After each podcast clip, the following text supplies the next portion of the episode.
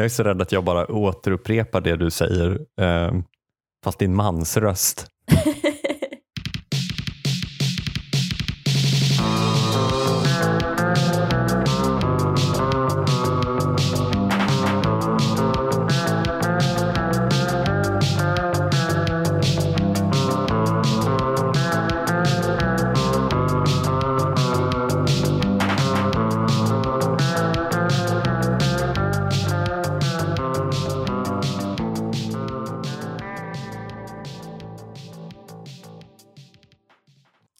morgon, Kim Eklöf.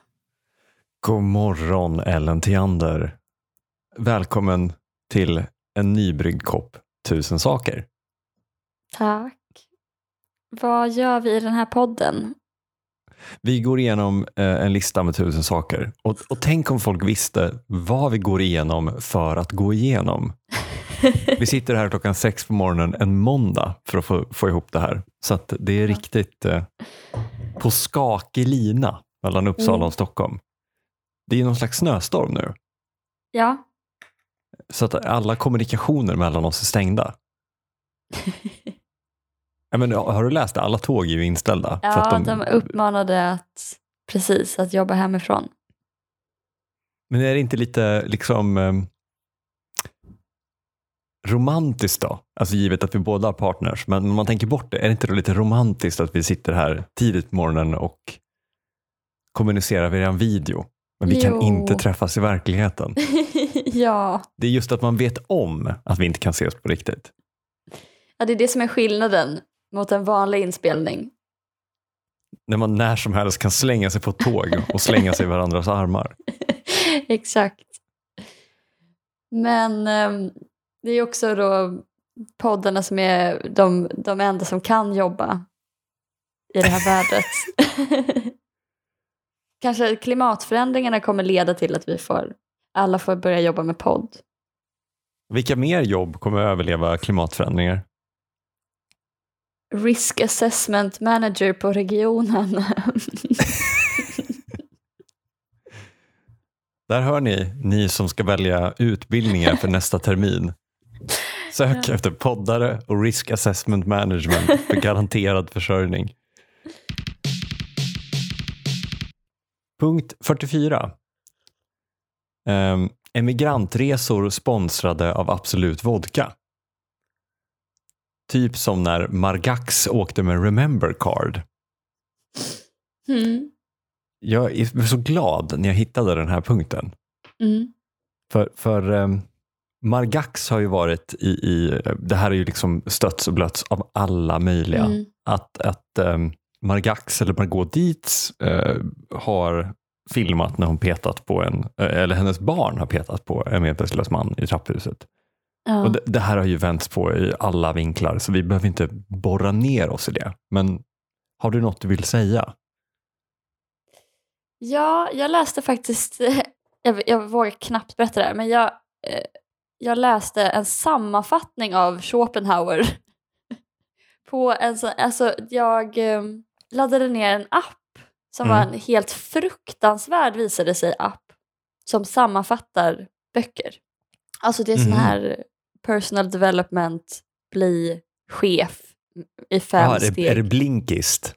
Ja, har du sett den? Nej, nej, nej, men jag har fått den där reklamen. Bara det står så här, the average CEO reads seven books a day eller något sånt där.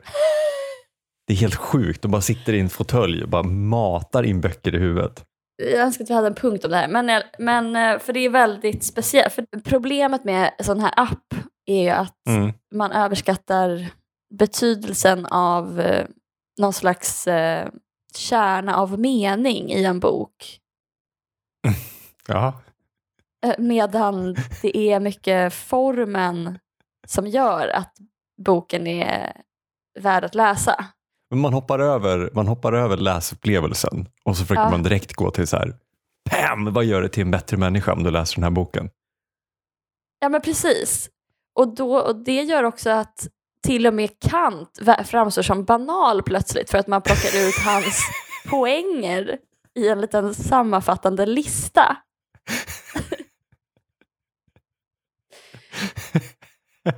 Så att, och de, de liksom twistar och det är så otroligt obehagligt för att de får allting att framstå som att det handlar om självutveckling och eh, just ledarskap, sån här hobbypsykologi.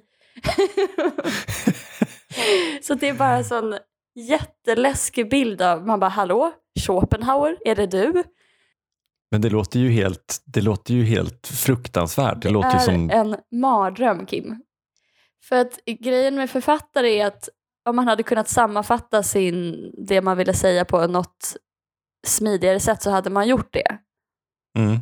Men de har skrivit boken för att just det, det är så man måste säga den här ganska komplicerade saken som de försöker säga.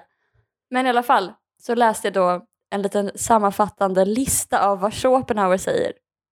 För de av oss som är jag i den här podden, vem fan är det? Han är lite existentialist kan man säga och lite Nietzsche-föregångare här för mig. Jag förknippar honom ganska mycket med postkantianism, ja. Det är lite, och, och romantiken. Det är en filosof i alla fall, tysk filosof. Bra. D- behåll den förklaringsbiten. Då, det jag skulle säga var om Margot Dietz, att eh, då skiljer han mellan berömmelse och respekt eller heder eller någonting i den stilen. Mm, mm. Man ska sträva efter berömmelse snarare än respekt eller heder. Mm. Det finns olika typer då av heder, eh, men det är ingenting som du egentligen förtjänar, utan det är mer av en utgångspunkt. Han tänker på så här ridderlig heder eller kvin en kvinnas heder och den typen Mm. av eh, mekanismer som mest används för att bestraffa eller hålla folk i schack. Och, alltså man har en viss mängd heder som utgångspunkt och sen kan den tas ifrån dig på något sätt. Men berömmelse är någonting du förvärvar, du får, du kan få mer. Mm. Och det ska i alla fall vara tänkt att stå i relation till en, ett åstadkommande som du under lång tid arbetar på. Mm. Men sen så säger han att när du är berömd så kan du lu- lätt luras att tro att, du, att det är berömmelsen i sig som du är stolt över. Mm. Men det är åstadkommandet. Jag vill bara säga det till Margot att det är... För på något sätt så är det också så att man då inte kan... Nu nu är det jag som tänker vidare på det här, men för man Det är kan ett öppet brev till Schopenhauer. till Margot Ja, till Margot. ja. från Schopenhauer. Alltså du, ja, jag förmedlar. du har blivit CEO Schopenhauer. Exakt, jag är som en sån tidskapsel som någon har grävt ner i jorden och sen nu öppnar vi den och ser vad det står. När man då blir cancellad Mm. så kanske man blir stressad att så här, åh nej, nu, är, nu har jag förlorat min berömmelse eller vad man ska säga. Men förhoppningsvis i alla fall så, är, så sätter man ju värde på det man har gjort och inte någon liksom, berömmelse som man får av den. Eller erkännande eller vad man ska säga. För det man har gjort. Nej, men du, du menar att, alltså lugn Margot, du har inte förlorat din berömmelse, bara din heder. ja men typ. Så kan man säga. Men också är det ju inte berömmelsen, man ska inte blanda ihop sina åstadkommande med berömmelsen man får för det man har åstadkommit. Mm, jag fattar. Du ser, du kunde redan använda den här Blinkist eh, för att göra en, en liksom success analytic av, av Margot. Det blir väldigt roligt nu när du sen när du liksom har knarkat den här appen ett tag nu och du liksom kommer börja du bara, ja men det här påminner mig om, om Strindbergs fem regler för framgångsrika företag. bara, vadå? Vad har Strindberg skrivit? Men får jag prata vidare lite om den här appen? Eh, absolut. Eller Vi ska, kan säga... f- Vet- Nej, men vi återkommer till, vi återkommer till, till Margot. Ehm, och, och punkten. Jag vill jättegärna diskutera den här appen. Det är samt, samma sak tänkte jag på som när jag har varit på så här presentationer med stormöten på där jag jobbar. Mm. Och då så presenterar kanske ledningsgruppen någonting, en strategi. Mm. Och då gör de det på ett sätt som de tänker sammanfattar strategin. Mm. Men det de har gjort är att de tar ut vissa ord som får stå för någonting som egentligen kräver fler ord för att förklara. Så Mm. då kanske de säger eh, flexibel, kunden i fokus och eh, Mycket, bra, mycket bra för ett förlag. vet att jag jobbar på contentavdelningen.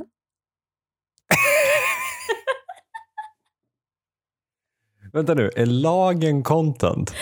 Ja, Men herregud, alltså förbjud samtiden. Hur avgå alla känner jag nu. Johan Munk, ordförande i Högsta domstolen, jobbar numera med content. Fan, det är ju fortsättningen på krimsamhället. När till och med lagen är liksom... De kanske kommer göra om lagboken för att den ska bli liksom mer... Man ska kunna fångas på tre sekunder. Så kommer de liksom börja slänga in coola brott ihop med varje lag. Ja, det roliga är att det är exakt så den är uppbyggd. Alltså lagboken är uppbyggd som internet fast före internet.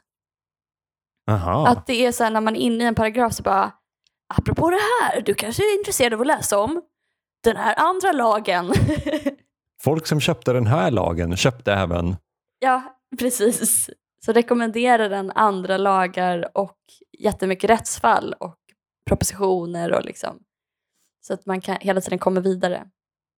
Du är som en sån Amazon product writer. Vad är det? Nej, men alltså att du skriver beskrivningar av, av produkter som är, liksom ska fångas upp av något AI. Så att så här, du tittar på strumpor, vill du också ha skor? Precis. Men då i alla fall så tror jag att de, eh, själva poängen försvinner om man försöker sammanfatta. Eller? ja, ja, jag, jag bara tänker att det är ledningsgrupp går upp och säger så här. Går upp och liksom knackar på mikrofonen. Flexibel! Och ni bara... Är så. Ja, det är ljudet av applåder. Okej, åter till Margot. Nej men for, fortsätt. Du, du, du kom aldrig till poängen. Nähä, okej. Nej men att det är samma sak som att försöka sammanfatta en bok, att sammanfatta en strategi, tror jag. Att man, man överskattar innehållet och underskattar formen på något sätt. Mm. Att man tror att det ska kunna, att det ska gå att flytta över ett innehåll från en form till en annan form, men det man inte ser då är att meningen, eller vad man ska säga, ändras radikalt när du flyttar en, ett meningsinnehåll då från till exempel en dans till en dikt. Mm. Du kan inte flytta innehållet i en tavla till en sammanfattande text på Blinkist. Det här känns som att vi återkommer till så här, den goda läsupplevelsen i Mm. Sveriges snustorraste podcast. Men att, att liksom, det, är, ja men så här, det är läsupplevelsen eh, som, som gör den stora skillnaden. Liksom. Det, det, det ger dig en möjlighet att liksom, eh, bli förmedlad en känsla eller satt i ett känslostadie som du inte hade uppnått annars. Eller liksom genomgå en tankeprocess som gör att du kommer fram till någonting. Och det är ju den tankeprocessen som är viktig. Ja, Häromdagen satt jag på en middag och så pratade vi om Kajsa Kavat, den här Mm. novellen av Astrid Lindgren. mm. banger. Ja men så här, bra jävla bok. Liksom. Mm. Och den är då från, alltså Kajsa Kavat är förutom en berättelse också liksom en novellsamling med berättelsen om Kajsa Kavat och nio andra berättelser. Jaha. Och det, vi kände ju typ inte till de här. Alltså, känner du till Astrid Lindgrens Småländska tjurfäktaren? Nej. Eh, lite om Sammel-August och Märit. Vi bara, vad är det här för Astrid Lindgren-berättelser?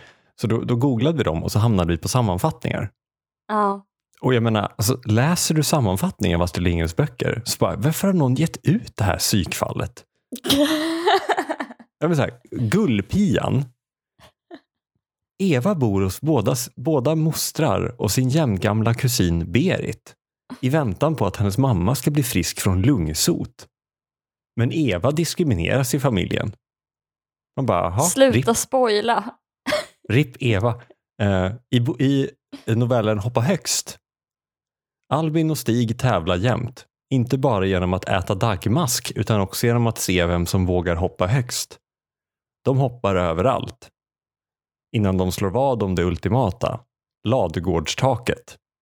De hamnar på sjukhuset. Gropen av Lisen Adbåge. Har du läst den? Nej. Det, det handlar om några barn som leker i en grop och sen säger fröknarna, ni får inte leka i den gropen. Sen så säger barnen, okej, men det gör vi ändå. Blinkist!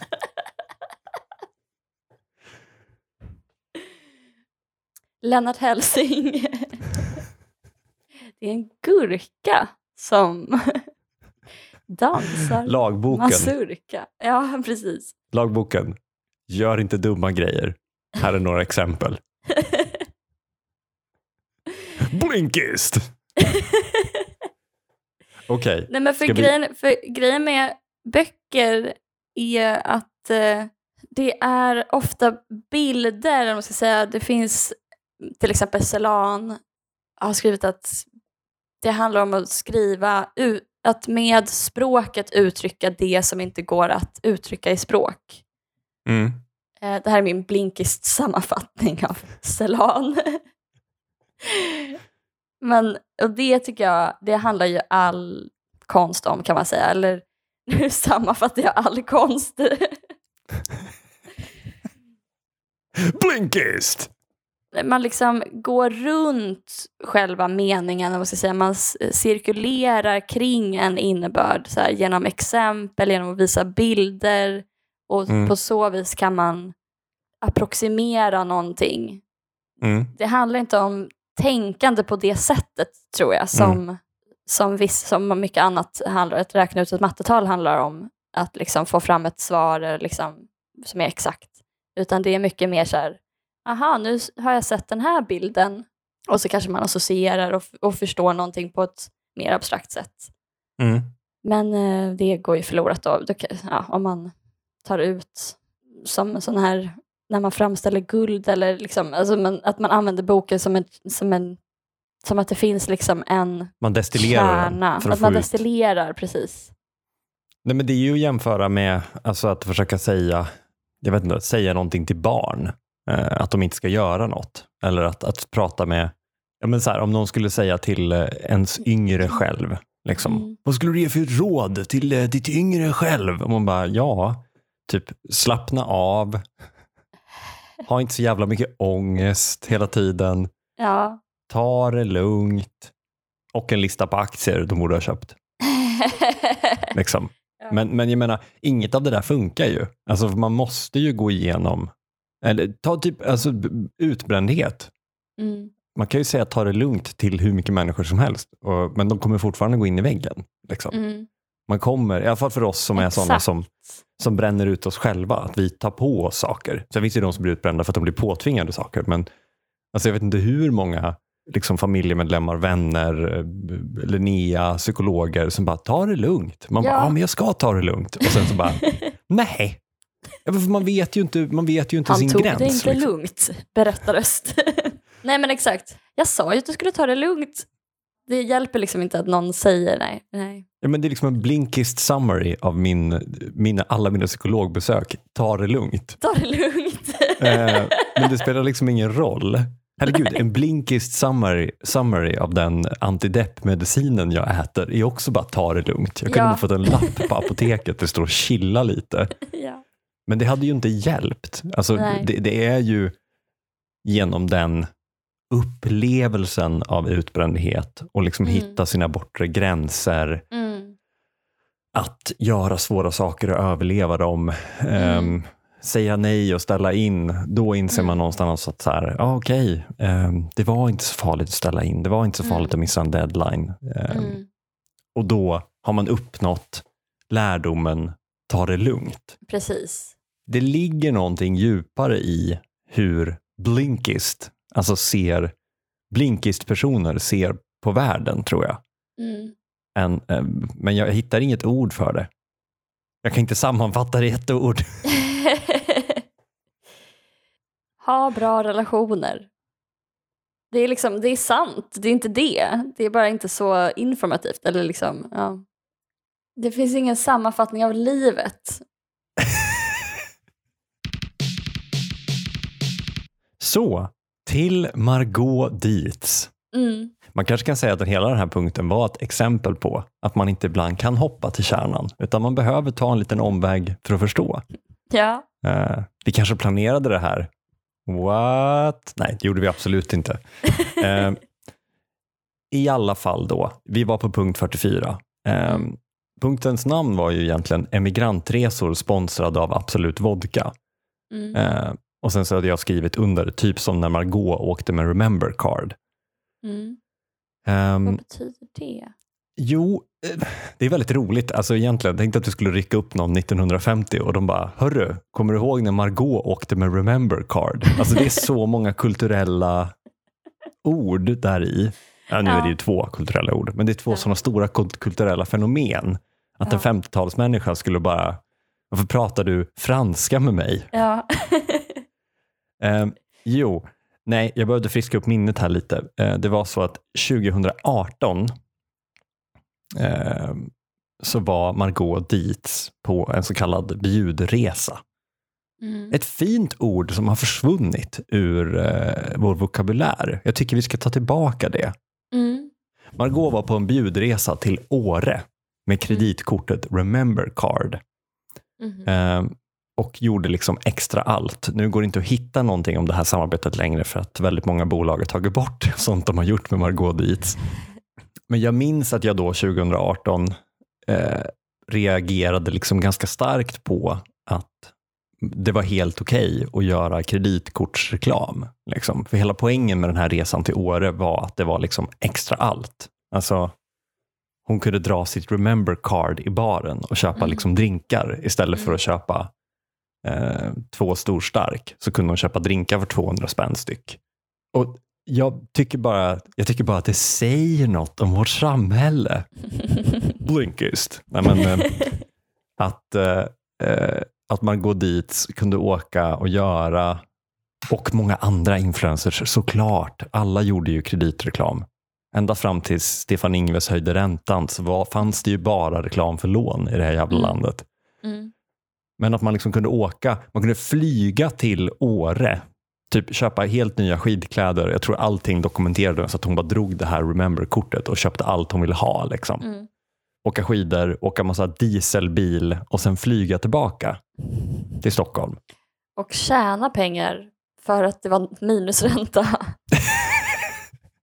Just det, det var så det fungerade. Nej, men, eh, jag menar bara att, att, att, att, att det var liksom okej. Mm.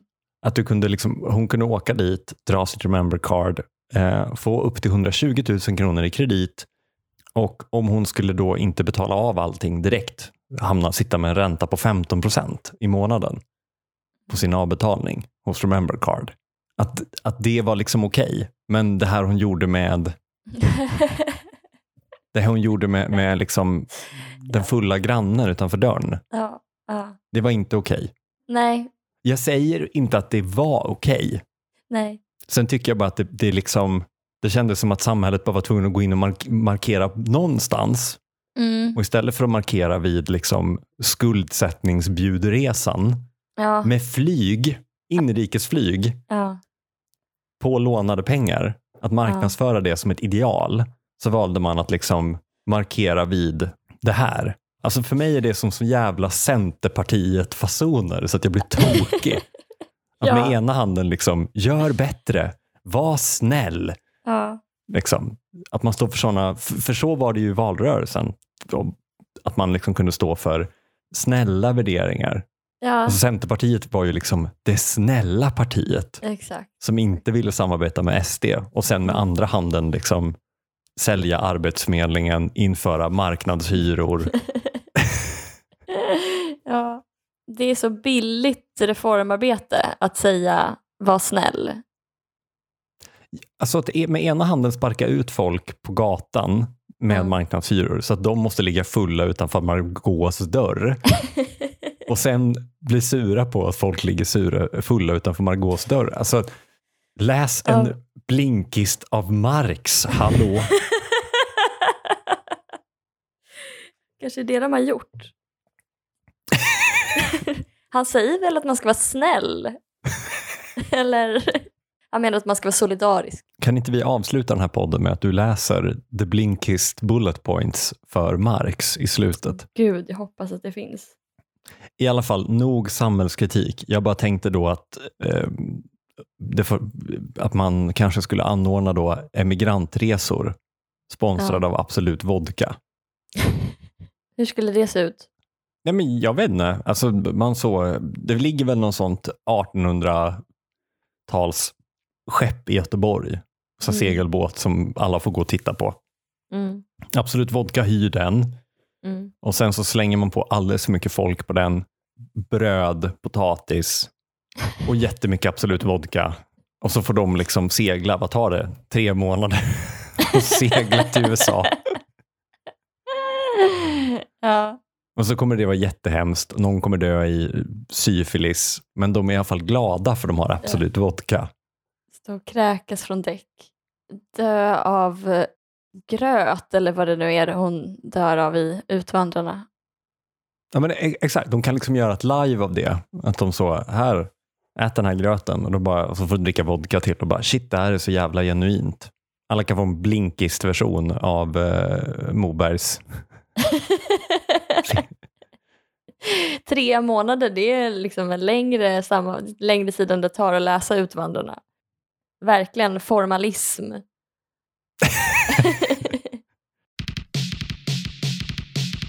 Punkt 278.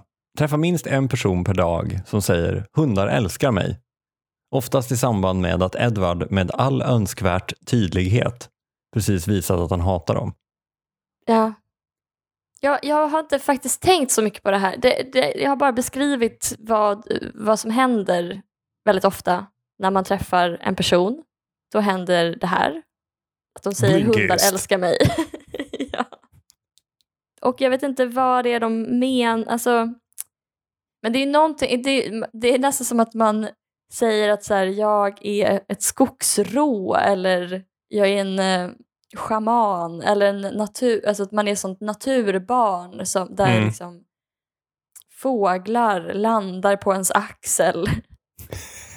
Man går fram kanske till en kärn i en skog, går fram till en kronhjort Mm. och lägger handen på dess mule och har en öm och intim stund med den här kronhjorten.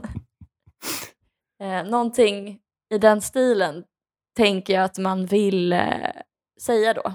Ja men det är väldigt konstigt att liksom medan min hund visar att han är jätterädd för den här personen så säger den hundar älskar mig. Så det blir mer som ett bevis på att man eh, är sinnesslö eller liksom Du menar att de säger hej, jag är dum i huvudet? ja. Varför tror du att man säger så? Nej, men jag, jag, har, jag har tänkt på det här, vad som händer Mm. med ens dåliga självförtroende. Eh, eller varför man får någon slags dåligt självförtroende för ens livsduglighet. Typ, Mm. när man träffar djur. Mm. För det är som att väldigt många människor träffar djur. Punkt. Blinkist. Nej. Blink. Sammanfattning av. Om skriet från vildmarken. Nej men eh, att eh, man är, liksom, det betyder så otroligt mycket för en vad Mm. hunden tycker om en. Mm. Eh, och precis, precis som du var inne på, jag tyckte du sa det väldigt bra, att, att det skulle vara någon så bedömning av ens inre väsen. Som Mm. om liksom hundar var ett orakel som bara Jag ser din inre själ och bedömer om du är värd. Som att de vore Sankte Pet vid pärlegrindarna. ja, det har du verkligen rätt i. Eh, och bara, kommer du komma in i himlen? Ja, nej, kanske. Ja. För, det, för det går ju liksom inte, alltså, så här ligger det till med hundar. Ja. De bryr sig typ eh, inte. Antingen bedömer de, sig att, bedömer de att du är ett hot Mm, och då kan de vara undergivna mot dig eller så kan de vara arga mot dig. mm. Ehm, eller så bedömer de att du typ är en del av flocken eller viktig för flocken och då kan de vara gulliga mot dig. Liksom. Mm. Men det betyder ingenting för de är hundar. Vet du vad du kan göra om en hund inte gillar dig? Skjut den. Eller herregud, du behöver inte ens ha, du kan bara sparka på den. Nej men jag menar bara att så här, vad en hund tycker om dig kommer inte att påverka din ställning i resten av din flock. Nej. Där har ni min jävla blinkist review för att komma runt det där. För det är en stor sanning att väldigt många hundar är, är, tillhör usla människor. Så man stöter man ut och går, stöter på någon med en hund och så tänker man mm, den här hunden måste tycka om mig. Men det kan ju mycket väl vara så att den som är ute och går med hunden literally är Irene Svenonius. Mm. Bra. Jag sa rätt, Ja, jag sa rätt. förlåt. Ja, du sa rätt. Nej, men jag menar, så här, och det, det skulle säkert, alltså jag skulle typ, jag skulle förmodligen bli så, bara, vad tycker Irene Svenonius hund om mig? Mm. För man tappar koncepten. Liksom. Ja. Men det är väl bra att vi säger här idag att det är inte en spegel av din djupare karaktär. Vad heter Ulf Kristerssons hund nu igen? Eh, Winston? Heter den så? Ja! Vad, vad Winston tycker om dig avgör inte. Om du får behålla ditt uh, uppehållstillstånd eller inte. Kanske snart i Moderaternas Sverige. så, så kommer Winston vara envåldshärskare. Vi utlovade ju tidigare i den här podden allt du behöver för att bli en god människa. The Blinkist Summary av det kommunistiska manifestet. Och jag har förstått det som att du har hittat Ja. the bullet point summary. Det här är så slappt för det går jättesnabbt att läsa kommunistiska manifestet. Men eh, om man inte orkar göra det, så hör upp. The class that controls the economy controls society. The bourgeois dominates the economy and therefore society. Although the working class is suppressed, it is becoming increasingly unified. Communists and the proletariat have a common aim to abolish private property and claim political power. Final summary The history of mankind is defined by struggle between ruling classes and their subjects, which has peaked in the suppression of the working class by the capitalist bourgeois. The communists will unite the global proletariat and take political control by revolutionizing the modes of production. Workers of all countries unite. Only through international solidarity can we break the chains that hold us to the factories and to the capitalists who own them. The bourgeois have never shared our interests and they will never willingly give up their domination over the proletariat. It is up to us then to unite against our oppressors through revolutionary action. Jag tyckte det var en bra sammanfattning. Jag, jag tänkte precis säga det. Jag tycker det var en, eh, Jag hade inte kunnat säga det bättre själv. ja, blinkist. Mina damer och herrar, använd koden tusen saker för att få... Nej. Nu kommer min nakna fru och kryper på Oh. golvet för att hämta sina byxor som låg bakom mig. Tack för den här veckan, Kim Eklöf. Ja, vänta lite. Linnea? Linnea? Skulle du kunna stänga av radion? Roligt att det kommer in ett annat radioprogram i vårt radioprogram. Ja, Man slipper. precis. Då kan man listen to six radio shows at once. Det, ja, fy fan. Det är som det här ekot på 30 sekunder. Har, du- har du hört det? Oj. Nej. Det finns ju i Sveriges Radio-appen nu, så får du en notis varje morgon där det står lyssna på de viktigaste ekonyheterna på 30 sekunder. Ja. Ehm, och jag blev så jävla upprörd för jag tycker redan att tre minuters ekot är för kort för att vara användbart. Ja. Eh, Så jag skrev till Sveriges Radio och jag bara, jag kräver att ni tar bort den här jävla funktionen. Eller att jag ska kunna stänga av den. För att, alltså, ja. Ekot på 15 minuter, perfekt, underbart. Eh, Mm. En bra sammanfattning. Ekot Mm. på tre minuter, alltså, det funkar ju om du har hört de andra Ja. radioprogrammen. Liksom. Ehm, men ekot på 30 sekunder, vad fan ska de säga? Det har hänt grejer i världen. Idag, politik, sport, väder, inrikes, utrikes, kultur. Tack för oss. Ekonomi också. Ekonomi. Vad vad glad jag blir att du eh, skickade in mejl. De sa att de inte kommer göra något åt det. Nej, är det sant? Ja, Svarade de? ja de svarade. Det var en efterfrågad funktion för att det här jävla samhället är på väg. För att någon stod där och bara, jag Tre hinner minuter. inte, tre minuter. Jävligt svettigt. Jag behöver de här två och en halv minuterna för att läsa tre böcker med blinkist. Tack för den här veckan, Ellen Theander. Tack själv Kim Eklöf. Vi kommer ut Vi- på tisdagar klockan sex på morgonen. Lagom till morgonlöprundan. Hej då! Hej då!